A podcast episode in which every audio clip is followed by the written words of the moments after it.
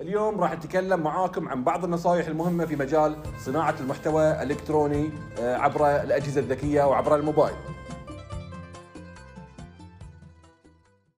اي هاي حلقة البودكاست الترتيب اللي أنا رتبته في السيناريو. اليوم راح نتكلم معاكم عن الحلقة الثانية في موضوع بودكاست كيف ممكن توازن بين حياتك الأسرية وحياتك العملية. صوتي واول ما أتكلم راح يتحرك صح؟ فالأفضل شو أسوي؟ إني أصمت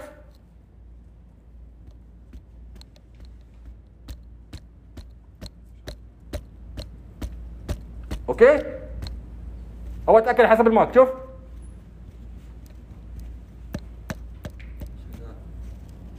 فهني أضمن عشان ما أسجل مقطع صوتي وأتورط بعدين شنو؟ المقطع ما يشتغل